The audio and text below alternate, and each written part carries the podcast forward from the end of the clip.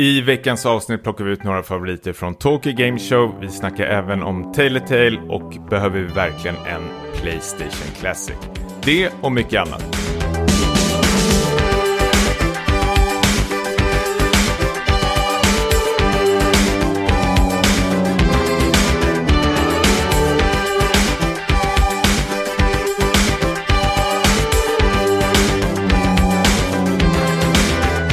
Då säger jag hjärtligt välkomna till ett nytt avsnitt utav Späckat avsnitt 69 med mig bland annat Tommy Jansson och Niklas Lundqvist. Hej! Tjena, tjena. Hur är läget?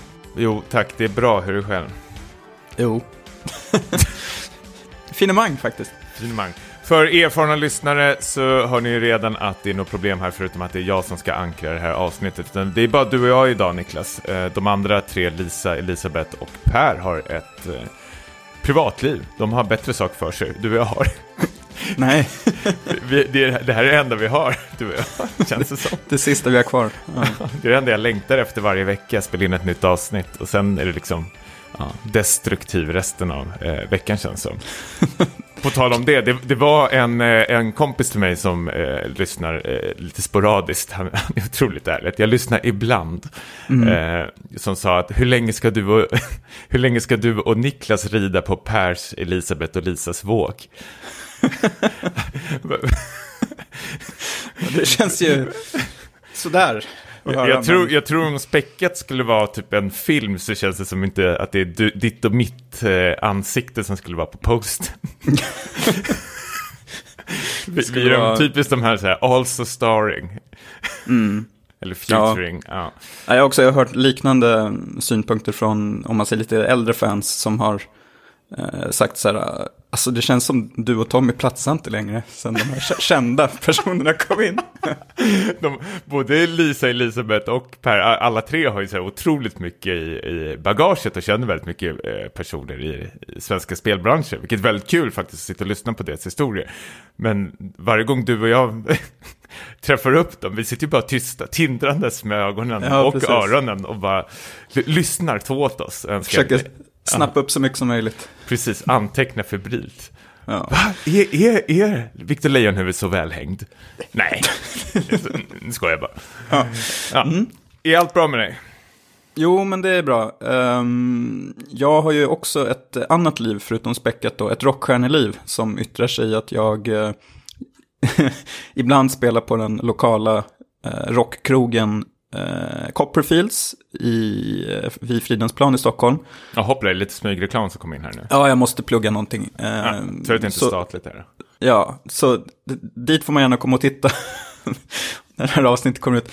Sen så ska vi faktiskt spela i Linköping också. Vilket jag redan nu har lite så här bara äh, ångest för. För jag känner att det, det känns jobbigt att behöva åka så långt för en spelning. Det känns som att det är så här, turnélivet passar inte mig. Två spelningar redan utbränd. Men det, lå det, låter ju jättekul ju, att det, det känns som det rullar på ju.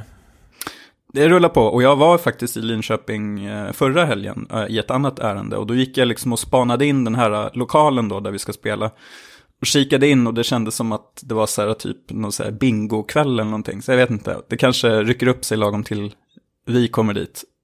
Men jag såg i alla fall affischen också, vilket var ju jättekul då att vi ser vårt vårt bandnamn där. Uh, så då postade jag det på uh, Insta-story och sen så såg jag, när jag tittade lite senare såg jag att uh, det stod ju hårdrockskväll då trodde jag på rubriken, men det stod, de hade missat ett K så det stod hårdrocksväll istället. Jallo heavy. ja, precis. Kanske väller in hårdrockare, förhoppningsvis. -huh. Så det var olyckligt, men det känns ju kul i alla fall. Jag, jag tänkte, Linköping, alltså studentstaden bland annat, eh, hur, hur mycket hårdrock är det? Vad, vad är det för frekvens på hårdrock där borta? Jag känner mig att det är typ så här framtida akademiker som lyssnar på typ eh, Peaches. Precis. Um, Drake. Ja, en hipp stad, de liksom ligger i framkant där med musik. Ja, jag vet inte, det känns väldigt spännande. Och just där också att det, det kostar pengar att komma in. 100 eh, kronor förköp, 140 kronor i dörren. Det är ju svindyrt. Liksom.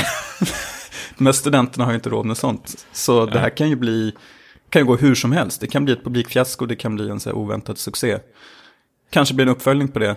Uh, jag tänker, det kan, inte vara, det kan inte vara värre. Jag för, jag för mig i alla fall, du har sagt det någon gång, eh, kan blanda ihop det med rätt så säker. Du, du har väl spelat på, eller ni har väl spelat på ett fritidsgård en gång. Det kan inte bli värre än det väl?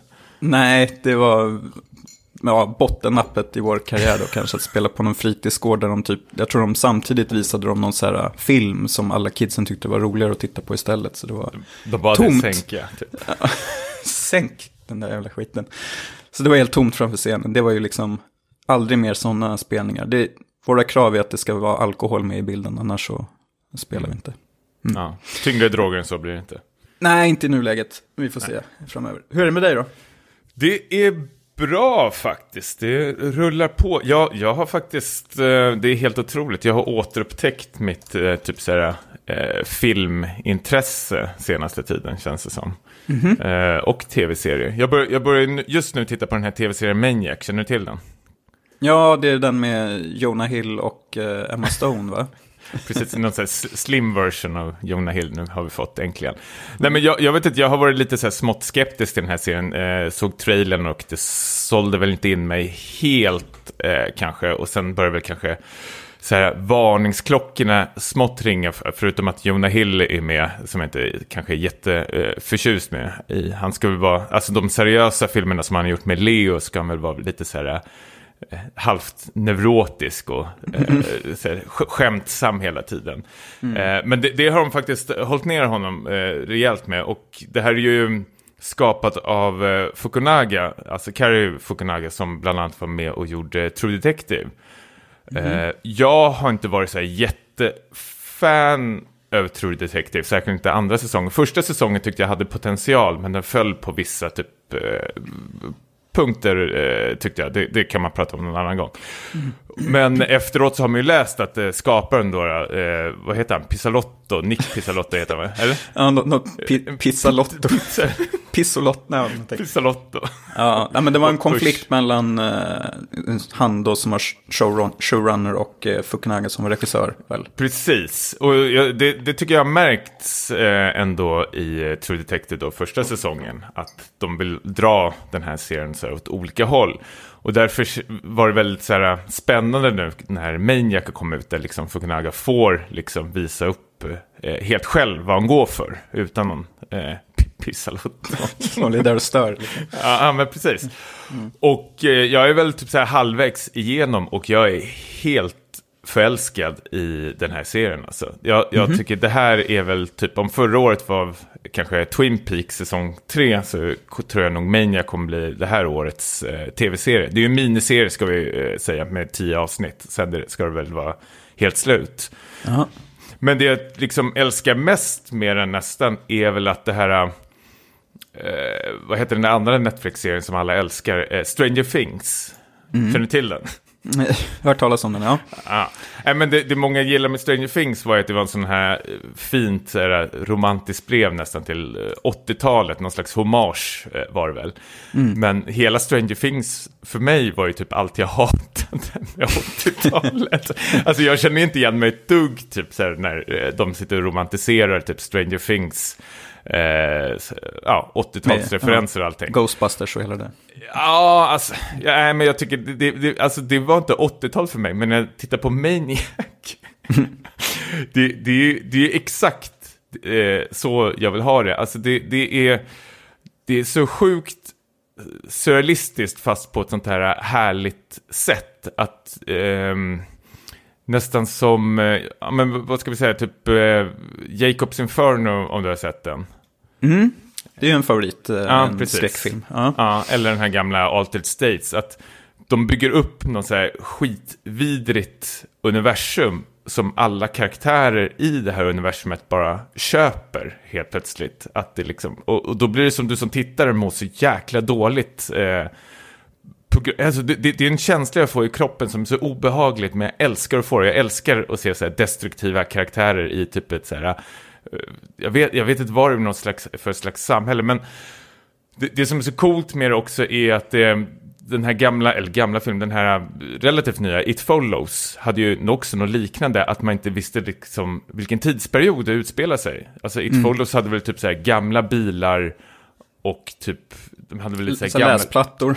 Ja, läsplattor. Alltså det, det var verkligen så här eh, referenser av liksom två olika liksom så här decennium, liksom 80-talet och liksom 2010-talet liksom och så hade de liksom bara eh, smetat ihop det. Och det här känns ju exakt samma sak, alltså att det känns väldigt futuristiskt men de använder liksom gamla datorer, PC-datorer från 80-talet och har massor med typ eh, otroligt gammal rekvisita. Alltså det, det, det är så sjukt snyggt. Alltså rekvisitören och typ så här scenograferna som har gjort jobbet i den här tv-serien har gjort ett jävla hästjobb.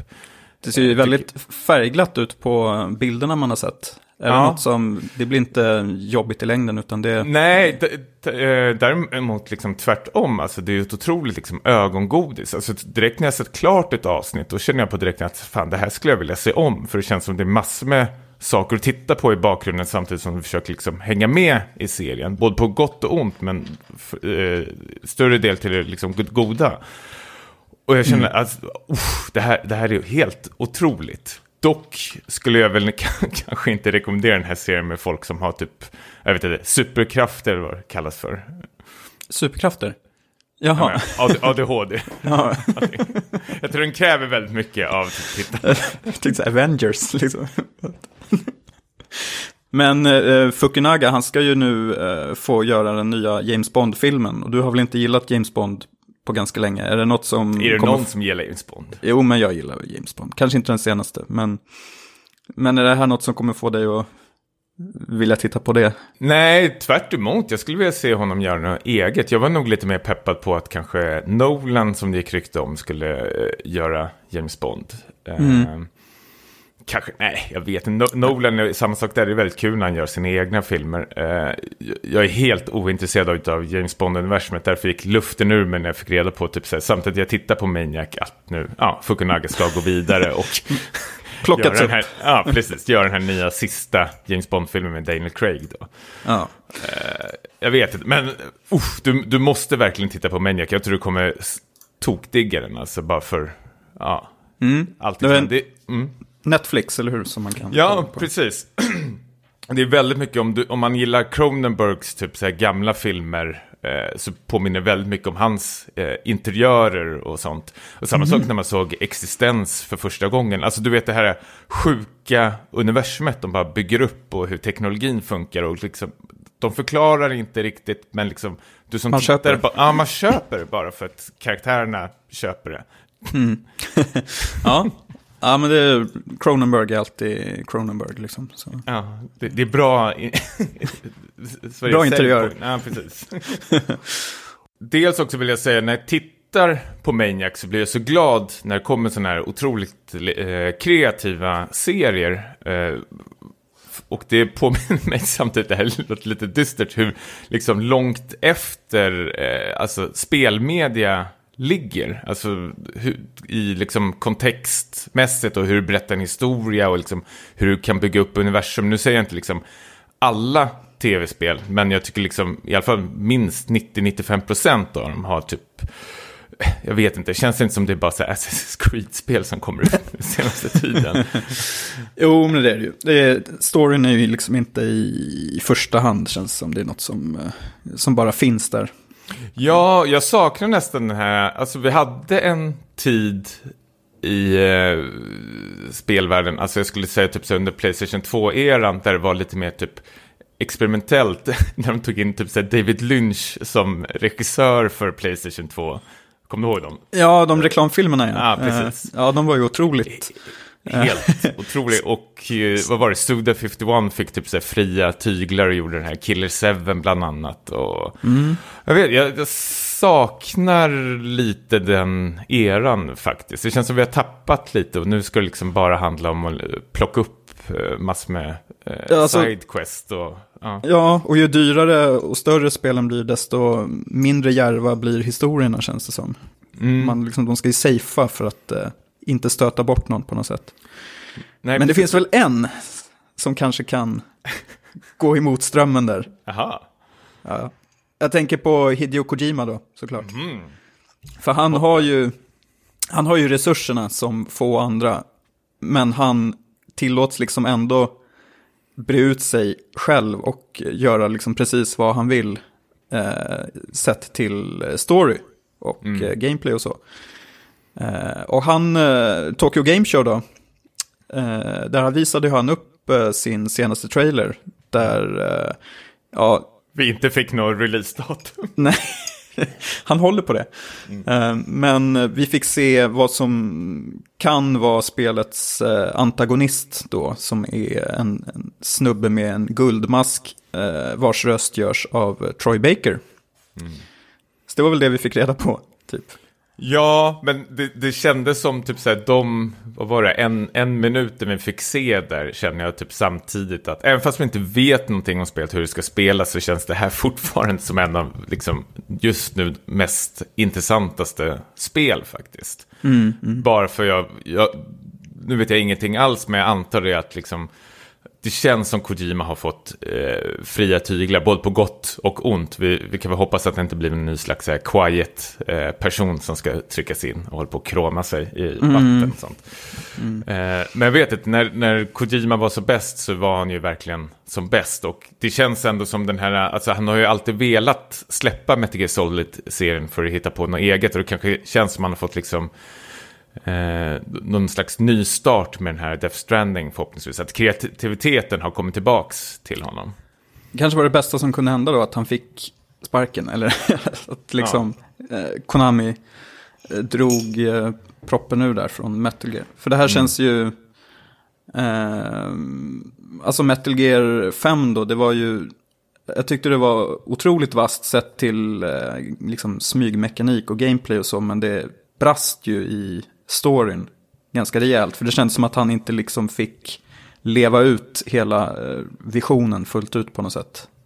Ja, och dels har det väl också återigen det där med open world, att det blir de här transportsträckorna eh, i storyn. Att pacingen eh, tappas ju otroligt mycket faktiskt. Mm. Det, känns inte så, det känns riktigt som liksom, Metal Gear Solid 5 inte visste liksom, vad, vad det ville vara för någonting. Om det skulle vara liksom, ett, ett storydrivet spel eller om det skulle vara någon slags open world eh, sandlådespel eller något liknande.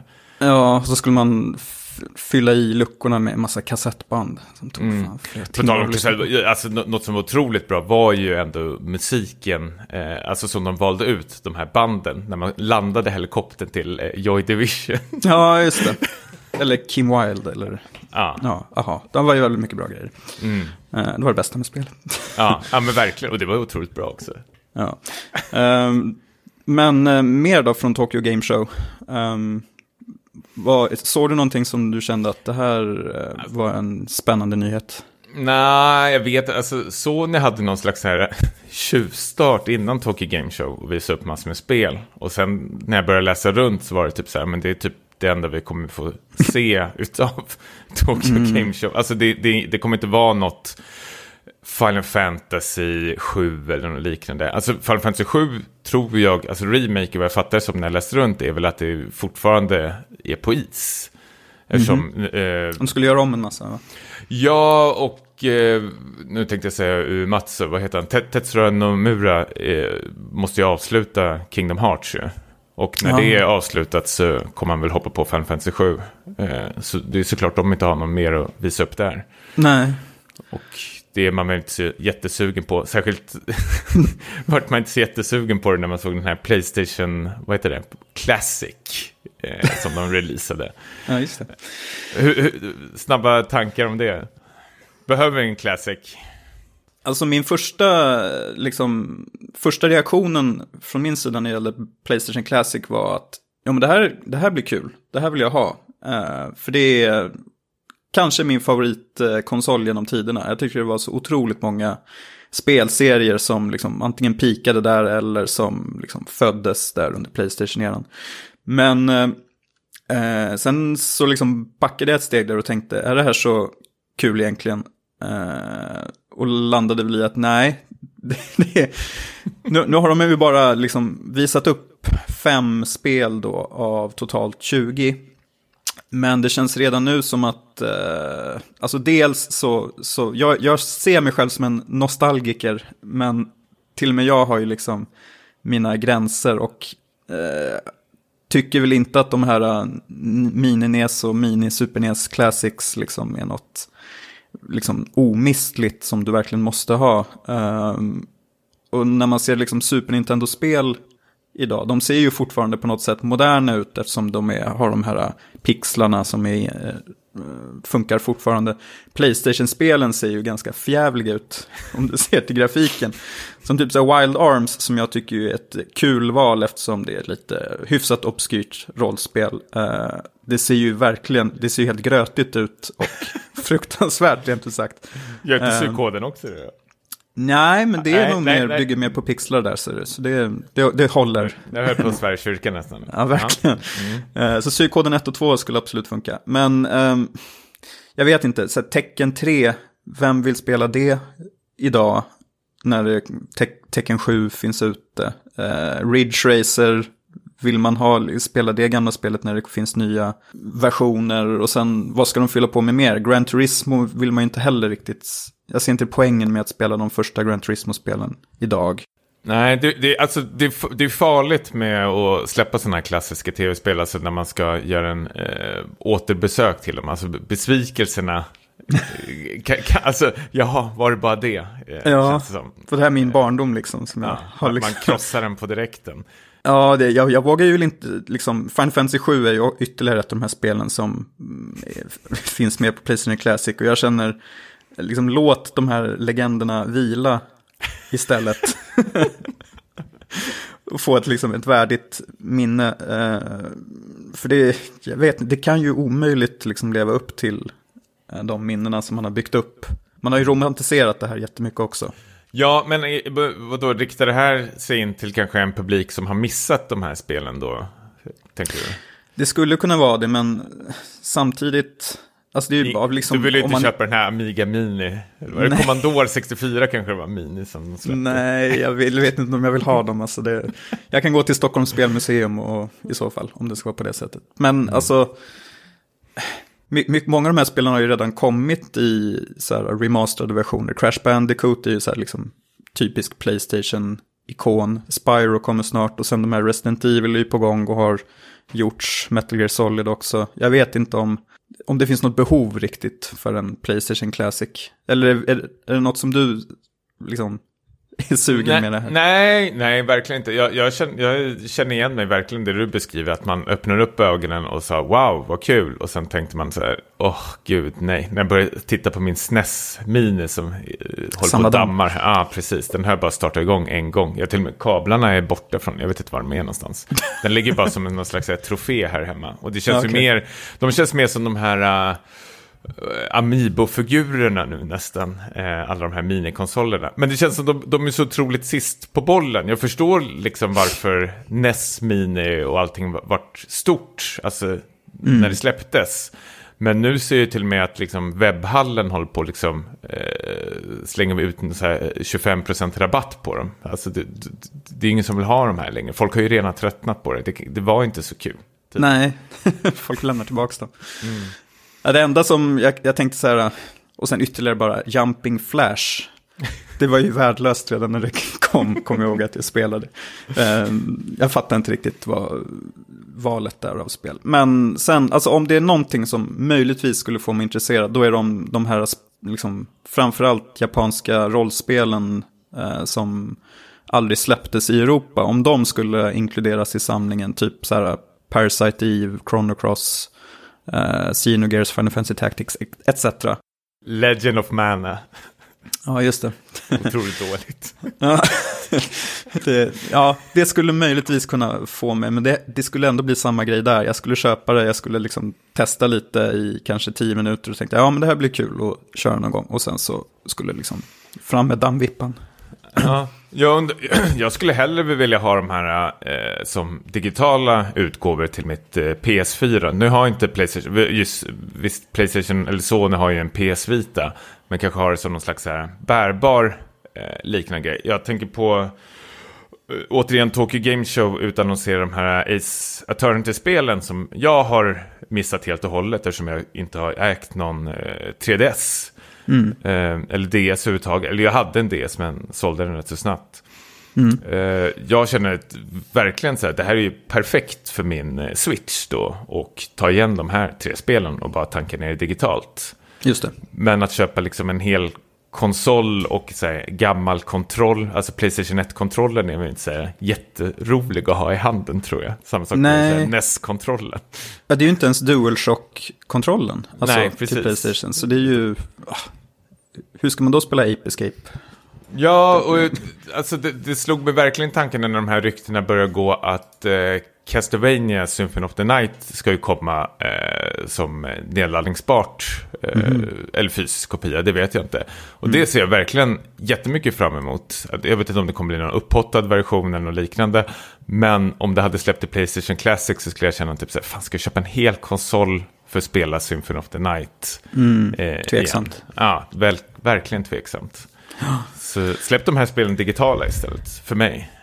Ja, jo men det är samma här. Så mm, det, det blir ett icke-köp då för, för oss båda låter det som. Playstation Classic.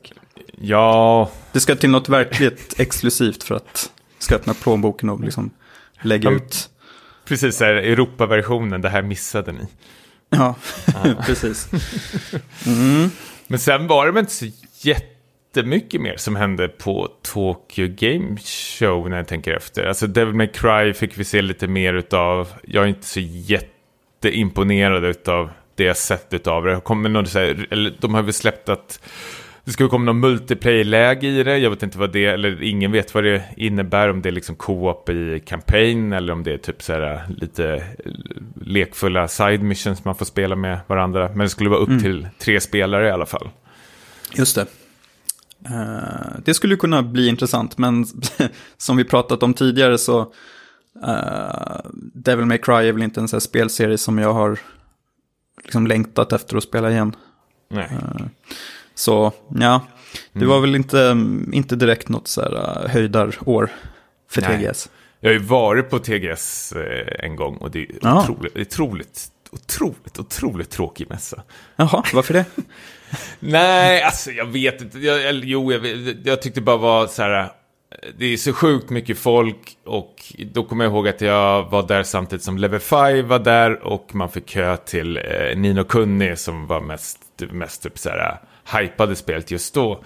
Men sen mm. var det ju mest typ så här Eh, att du kunde gå runt och köpa lite så här krimskrams och mobilskal och allt sånt där. Jag kommer ihåg att jag köpte någon slags två dagars biljett eller något liknande, men jag gick bara en dag. Alltså det, det räckte för mig.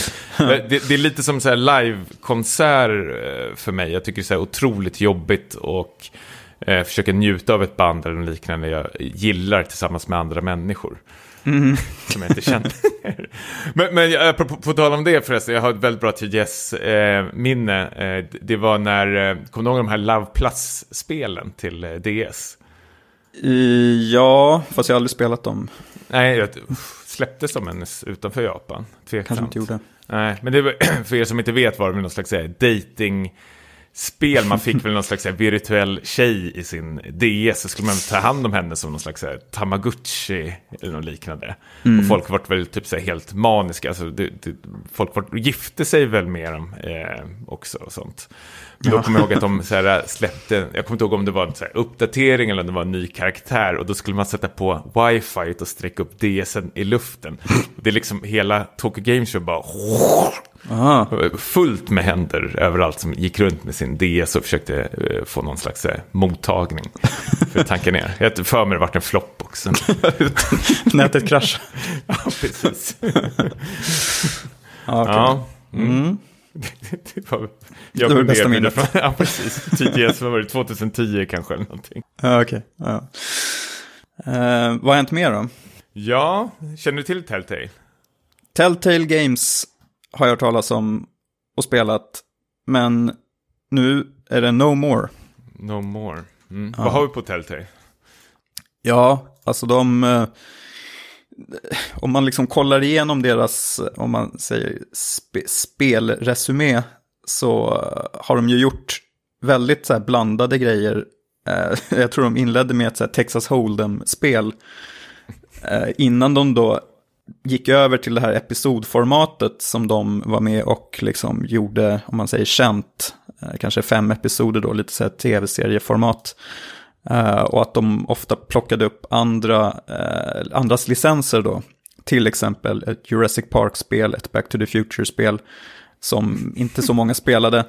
Men så fick de ju då ett genombrott med The Walking Dead 2012 som ju blev en så här, riktig kritikersuccé. Och sålde väl bra också då antar jag. Ja, det... Det vet jag faktiskt inte, nu sitter jag och chansar här. Men det var kritikerhyllat i alla fall. Det tog väl ja. hem massor med eh, awards, bland annat som typ såhär, eh, bästa spel, eh, har jag för mig. Mm, mm, precis, och, och vi älskade och, det, kommer jag ihåg. Ja, precis. Och samma sak med deras eh, uppföljare då, The Wolf Among Us, vart ju också så superhyllat. Mm, precis. Men när Walking Dead kom ut, kommer jag ihåg, jag, jag hade ju otroligt mycket fördomar eh, mot det här spelet. Alltså jag var inte så här jättefan av tv-serien och kände så här att, vad kan det här vara? Men det, det, det hade ju absolut någonting. Det, det, hade ju en intressant historia, otroliga eh, karaktärer, särskilt. Mm. Oh, Clementine och vad fan hette han då? Hette han James?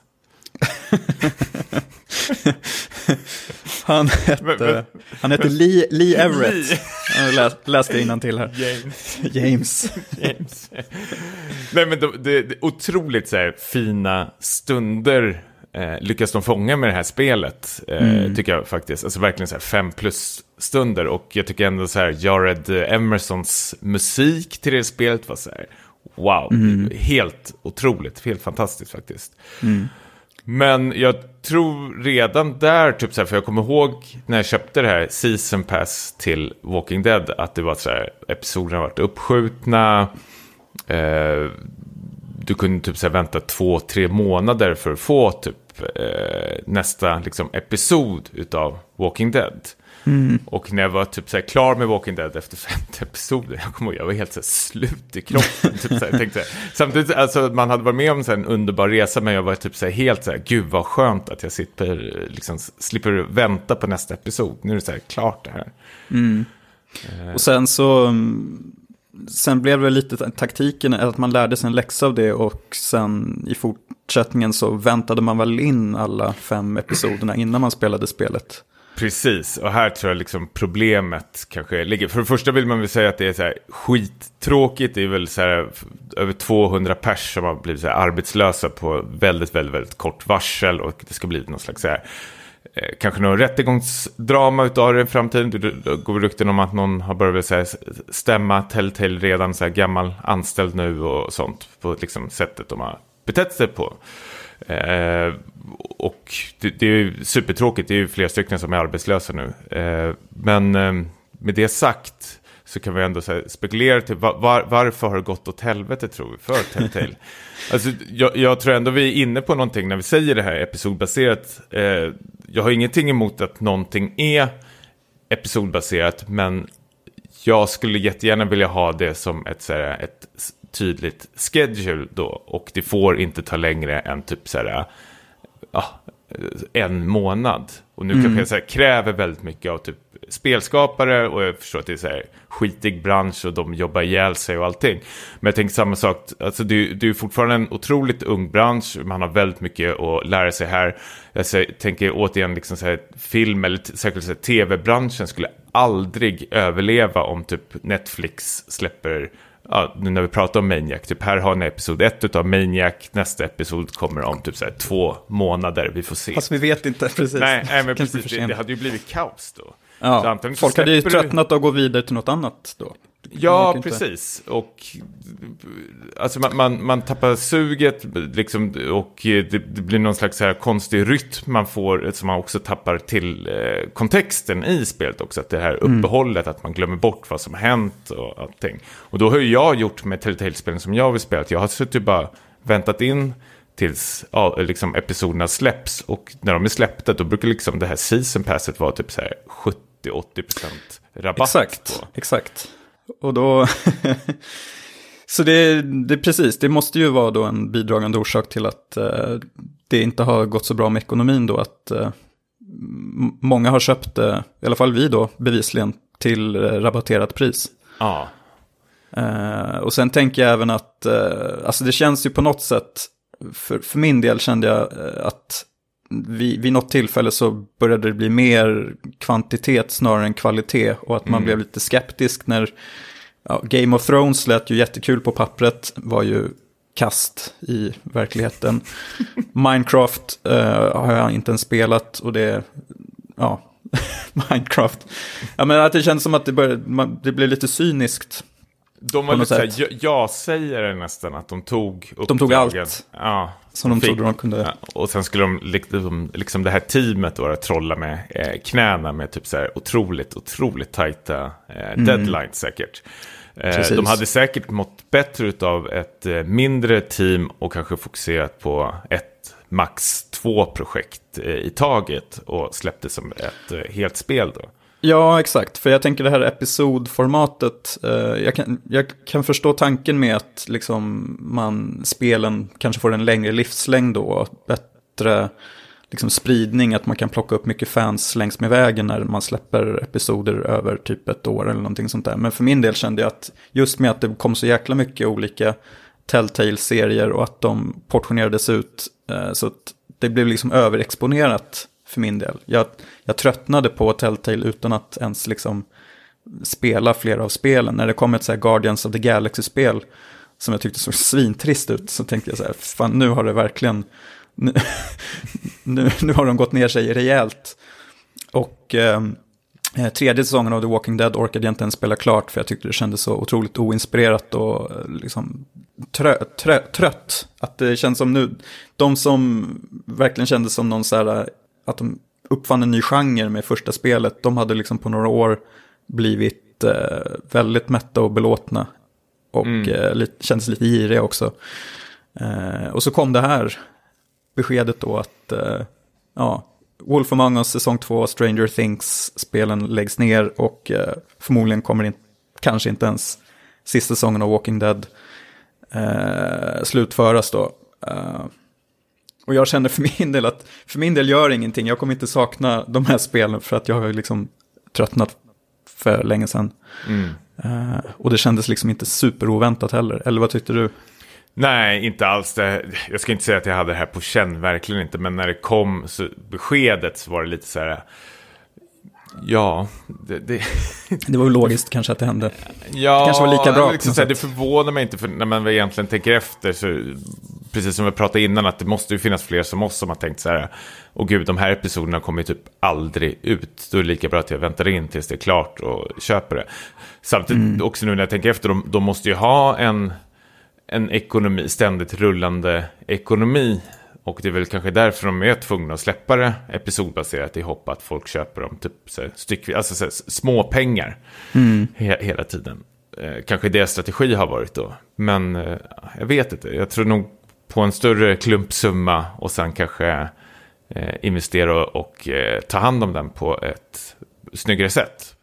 Ja, Faktiskt. precis. Och det känns som Det här får ju också så tankarna till Tim Schafers jävla eh, spel. Broken Age. Broken Age, typ så här, när han får jättemycket pengar i handen och vet inte hur man ska hantera det och typ Mm. börja lägga pengarna på så här, massor med onödiga saker som Elijah Wood. ja, precis. Slukar hela budgeten i sitt Ja. arvode. Eh, som sagt, det, det är en otroligt så här, ung bransch det här och vi har mycket kvar och särskilt spelstudios har väldigt, väldigt, väldigt mycket kvar att här, lära sig eh, faktiskt. Mm, Eh, verkligen. hur kommer fungera. Jag tror det kommer se helt annorlunda ut, förhoppningsvis om typ att det kommer ta ett tag, men kanske 20 år eller någonting. Eh, hoppas jag inte så länge, men att det finns något slags här, skyddsnät för alla de här eh, kreativa personerna som jobbar eh, inom spel. Eh, det, det är en väldigt tuff eh, bransch faktiskt. Och de har ju, många av dem har ju familj och allting och ett eget liv att ta hand om. Man är ju, alla är ju beroende av pengar jag.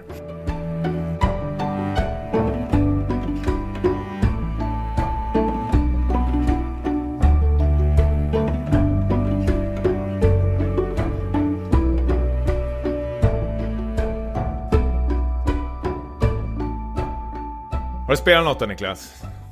Jag har gjort det. Om Ehm, du har. Jag eh, har börjat spela det senaste Tomb Raider-spelet, Shadow of the Tomb Raider. Mm. Eh, tredje spelet i den här rebootade trilogin.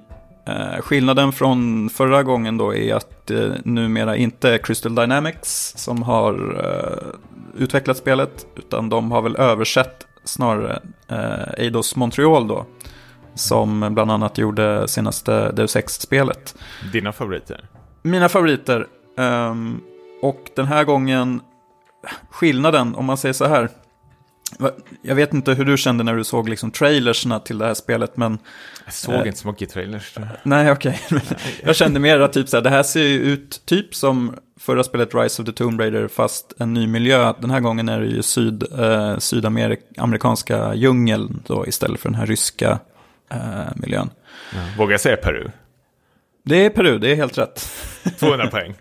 ja, absolut. Eh, och um, ja, om vi säger så här, det jag, eh, det jag gillar med Shadow of the Tomb Raider, om man då jämför med till exempel Uncharted-spelen, som man väl får säga att det har sina liksom likheter, så gillar jag eh, när det inte känns så, om man säger uncharted, när, när det, man är de här liksom filmsekvenserna, när det känns som att du bara ska trycka spaken framåt för att, uh, ja, då, då är det liksom en väldigt regisserad scen som du egentligen bara ska eh, dansa dig igenom om man säger. Klassiskt, Uncharted är väl ändå som du säger rakt fram och så är det någon slags kul regn eh, bakom en. Och, ja, men lite Nathan så. Nathan Drake skriker massor med one-liners.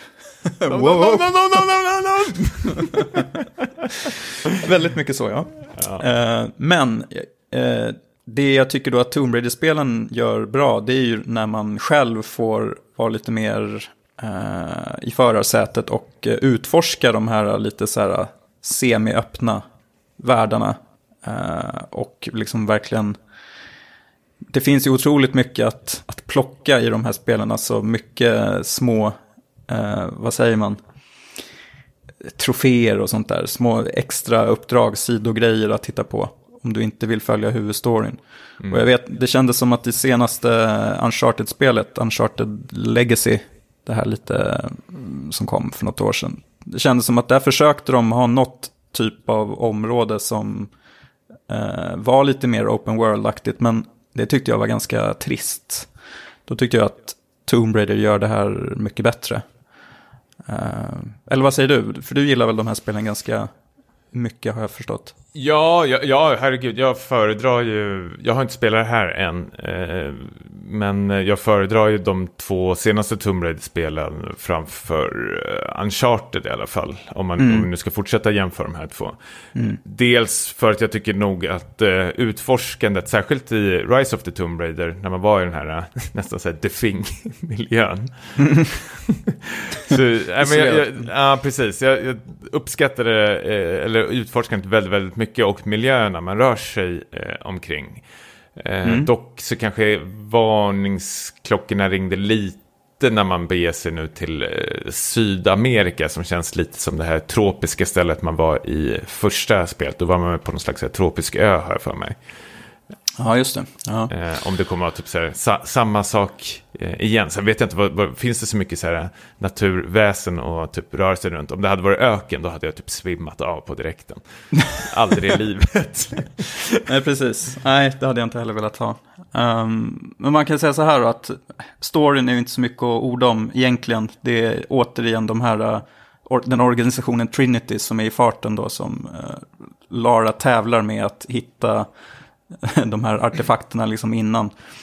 Uh, och det inleder i Mexiko och där återigen då för att jämföra så uh, känns det väldigt Uncharted-aktigt till en början. Och lite småtrist inledning tycker jag faktiskt.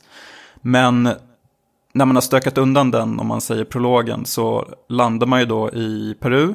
Och då känns det genast som att spelet tar fart när du liksom får styra själv. För det är ju väldigt, det måste man ju säga att det är otroligt snyggt spel och de har ju verkligen lyckats med den här äh, täta atmosfären i den här djungeln. Det känns som att mm. det ja, jag har, jag har aldrig sett en snyggare djungel i ett spel. Att det är så otroligt tät vegetation och det känns som att eh, det är så här djur som lurar överallt. Det finns ju en, en ganska så här rik, om man säger flora och fauna i det här spelet med eh, så här giftiga ålar, eh, apor och eh, ja, jaguarer har jag stött på också.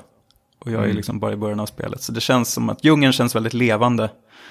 Eh, och än så länge har det faktiskt varit mer fokus på typ pussellösning eh, snarare än att man ska då skjuta, skjuta gubbar då, skjuta de här Trinity-soldaterna. Men det kan ju Mm. komma lite senare. Eh, Men det, det, det som också är intresserat mig väldigt mycket för det här spelet, för de har väl sagt eh, då Eidos att de ska fokusera väldigt mycket på tumpsen eh, i det här spelet. Mm. Och att jag, jag har hört av vänner som spelar att de ska vara väldigt, väldigt eh, roliga, otroliga så här, kreativa eh, nötknäckare. Eh, Mm. ska de vara. Eh, så Ja. det ser jag verkligen fram emot. Precis, jag, jag har ju liksom inte riktigt bestämt mig för om jag ska skita i de här tumsen eller om jag ska göra dem. För jag tänker att det, eh, det finns risk annars att jag inte orkar ta mig igenom hela spelet om jag inte liksom försöker att trycka på lite och köra på huvudstoryn. Eh, Ja, men, men är storyn så bra att du måste ha någon driv den? Nej, Kan- egentligen inte. Storyn är känner ganska tråkig. Ja, Men det- precis. Kan du inte Mm. njuta av tumpsen och köra så långt du orkar då? Måste du klara spelet känner jag. Det kanske jag inte måste. Jag Nej. klarade inte förra spelet så. Nej. Så, ja. Det, Det är, ju- det är i sådana fall tanke. Alltså, det, det skulle jag tycka. Det är nog jättekonstigt, för jag brukar ha det ibland att jag, hur dåligt en, liksom en film eller serie eller bok är, så måste jag ha liksom ett... Eh, liksom, Bokslut. Ja, ja, bokslut, precis. Eh, och det är skitjobbigt. Jag kan bli så jäkla stressad ibland, eh, särskilt när det kommer till böcker, när jag måste säga, avsluta något bara för att. Eh, Mm. och, och så, det kan komma också till tv-spel ibland också kan jag känna. Men jag har lärt mig, särskilt med tv-spel har jag lärt mig att liksom kunna plocka ner kontrollen och säga nej tack, nu, nu räcker Nu är jag det. nöjd, nu räcker Ja, det. för Var det det du gjorde med Dragon Quest-spelet? Ja, det var det väl. För det känns som eh, det, efter 20 timmar och... och alltså, om, ett, om man har lagt ner runt 20 timmar på ett spel och man känner att de senaste 10 timmarna har inte spelet överraskat en med någonting nytt.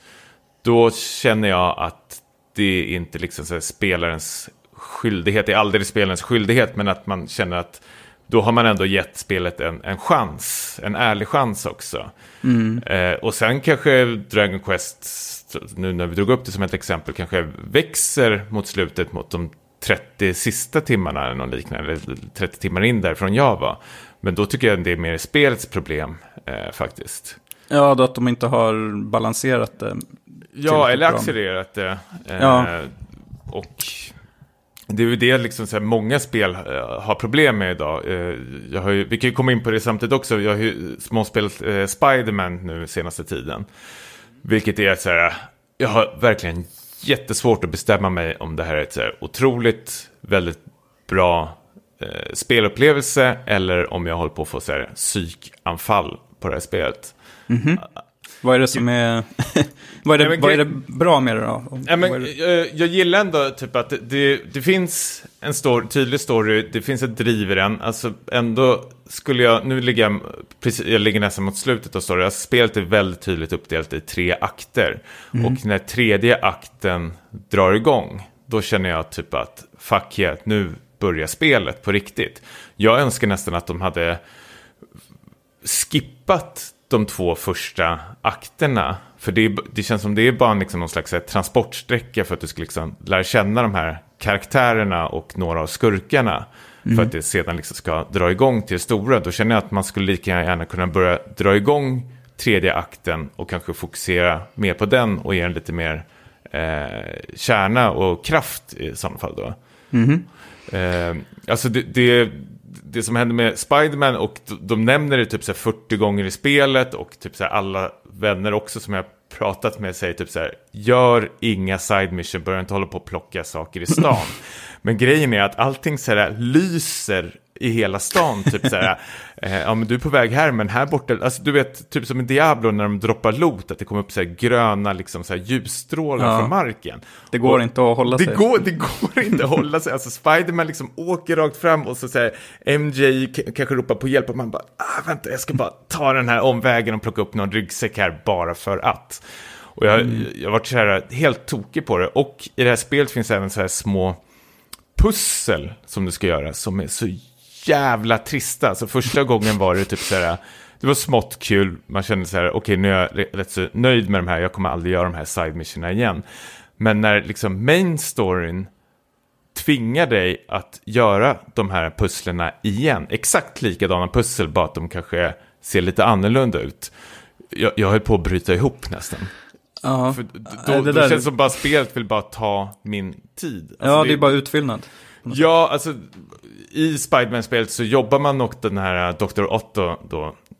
Mm. Och då kanske han säger så här, Hey Parker, could you help me please look at this, bla bla bla. bla. Och det här är ju en main story-grej. Och då går man dit och ska titta och då ska man hålla på och så här, pussla ihop saker. Och jag känner så här, åh oh, gud vad hellre hade gjort något slags quick time event här istället för att hålla på och dra massor med saker och vrida. Ni som har spelat här förstår exakt vad jag pratar om, men man ska vrida massor med typ kuber för att få igenom typ en sån här elslinga från början till Aha. slut. Och det, det, är inga avancerade pussel, men det är typ så här, jag känner bara att det är så dumt tidsfördriv för mig. Alltså, det, det, det, känns som jag har byggt upp någon slags gänga block eh, på, på, en rad väldigt snyggt så kommer någon och liksom slå till den och så får jag liksom plocka upp allting och städa upp den igen. Mm -hmm. Ingen progression direkt, utan att man... Nej, nej precis. Alltså, du, och... Men det här är saker du måste göra för att komma vidare. Det, det, precis, det här är ju storyrelaterat. Alltså, det, ja. pu samma pussel finns med på, alltså side mission finns det typ så här, man kan väl säga att de genras upp till kanske 20 olika stycken. Men kanske fem av dem är liksom identiska med varandra. Att här slåss några skurkar av den här klanen, men här borta slåss några andra skurkar av den här klanen. Och det enda som är skillnaden är att skurkarna har typ annan färg på kläderna. Men deras liksom vapen och deras ability, som man nu ska säga, är exakt identiska. Det här är ju mm. bara spelet, alltså det, det är ett spel som kanske har ett eh, main mission på tio timmar, skulle jag tro att spelet är, eller någonting, 10-15 timmar.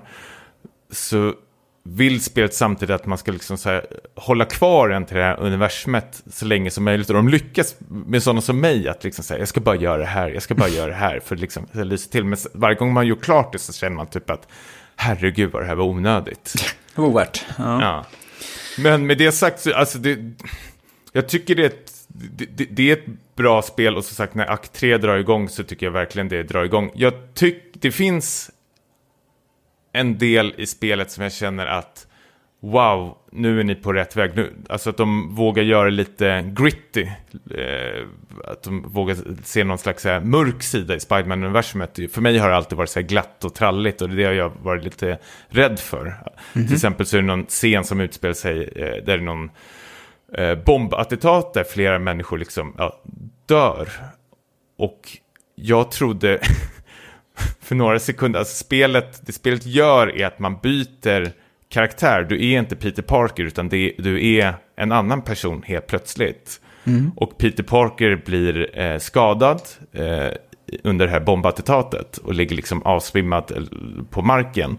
Och MJ står så här, skriker vid hans kropp. Och några sekunder så tänkte jag så här, han hoppas han är död och jag kommer byta till den här karaktären.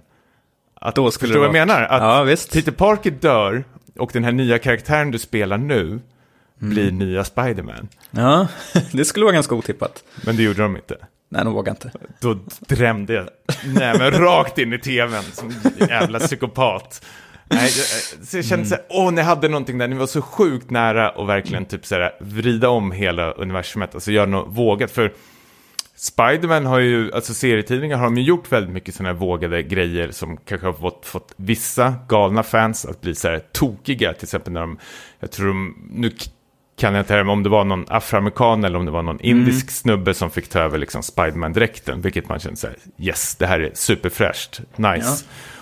Samma sak känner jag exakt med det här spelet, att de var så sjukt nära att låta en annan person, utan att säga för mycket, liksom ta över eh, rollen som Spiderman. Och jag känner att det vore hur bra som helst. Nu har jag inte spelat klart det, hoppas det händer mot slutet. Men det kommer det verkligen inte göra. Det jag sett nu. kommer bli besviken igen. Ja, Andra Peter även. Parker måste leverera sina one-liners. Mm. Ja, är du sugen ja. på Spiderman? Nu vart det både Tomb Raider och Spiderman samtidigt. Men, ja. ja, men precis. Jo, men jag är lite sugen. Um, och jag ska ju spela klart Shadow of the Tomb Raider först då, om, eller ja, om jag spelar klart det. Men jag kanske ska köra på den här filosofin då att uh, ta min egen takt och utforska djungeln istället för att bara eh, springa mot de här liksom, nästa steg i storyn. Mm. Men det var det som var kul med Rise of the Tomb Raider känner jag att eh, du skulle Mm. tackla de här tumpsen och eh, fienderna på ett liksom så snyggt och stealthigt sätt som möjligt. Just det. Eh, istället för att liksom gå in eh, gunblazing som man kanske gör i Uncharted-spelen ofta. Ja. Ja, men precis. Mm. Men spontant känner du att det här kanske är bättre än Rise?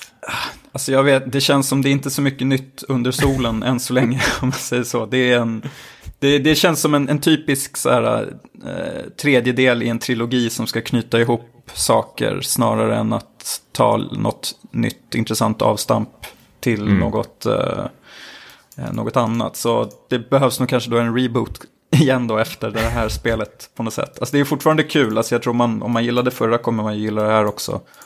Eh, men man ska inte förvänta sig massa nya inslag och sånt.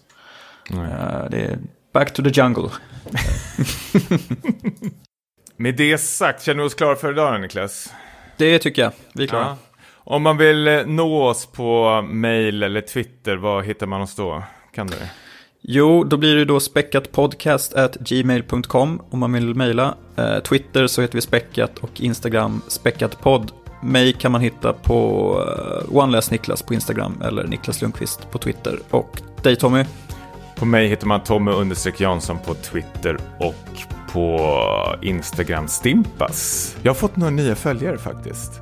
Är det så? Ja. efter eh, World of Warcraft-succén? Ja, jag, jag var på någon eh, spelträff för några veckor sedan. Jag trodde jag skulle få massor med high fives när jag kom in. Jaha. Inte en Va? jävel kände igen mig. Elisabeth fick gå runt och presentera mig för folk. Det är han som gjorde WoW-dagboken. Ja, jag står bakom Elisabeths rygg och så tittar fram till punkten. Det här är Tommy. Tommy, gå fram och hälsa nu lite. Och så, hej, hej, hej. Ja, det Ja. finns mer att jobba på där alltså. Ja, det är mycket mer att jobba. Ja. Verkligen. jag är luft. Precis som du. Hej då! Hej då!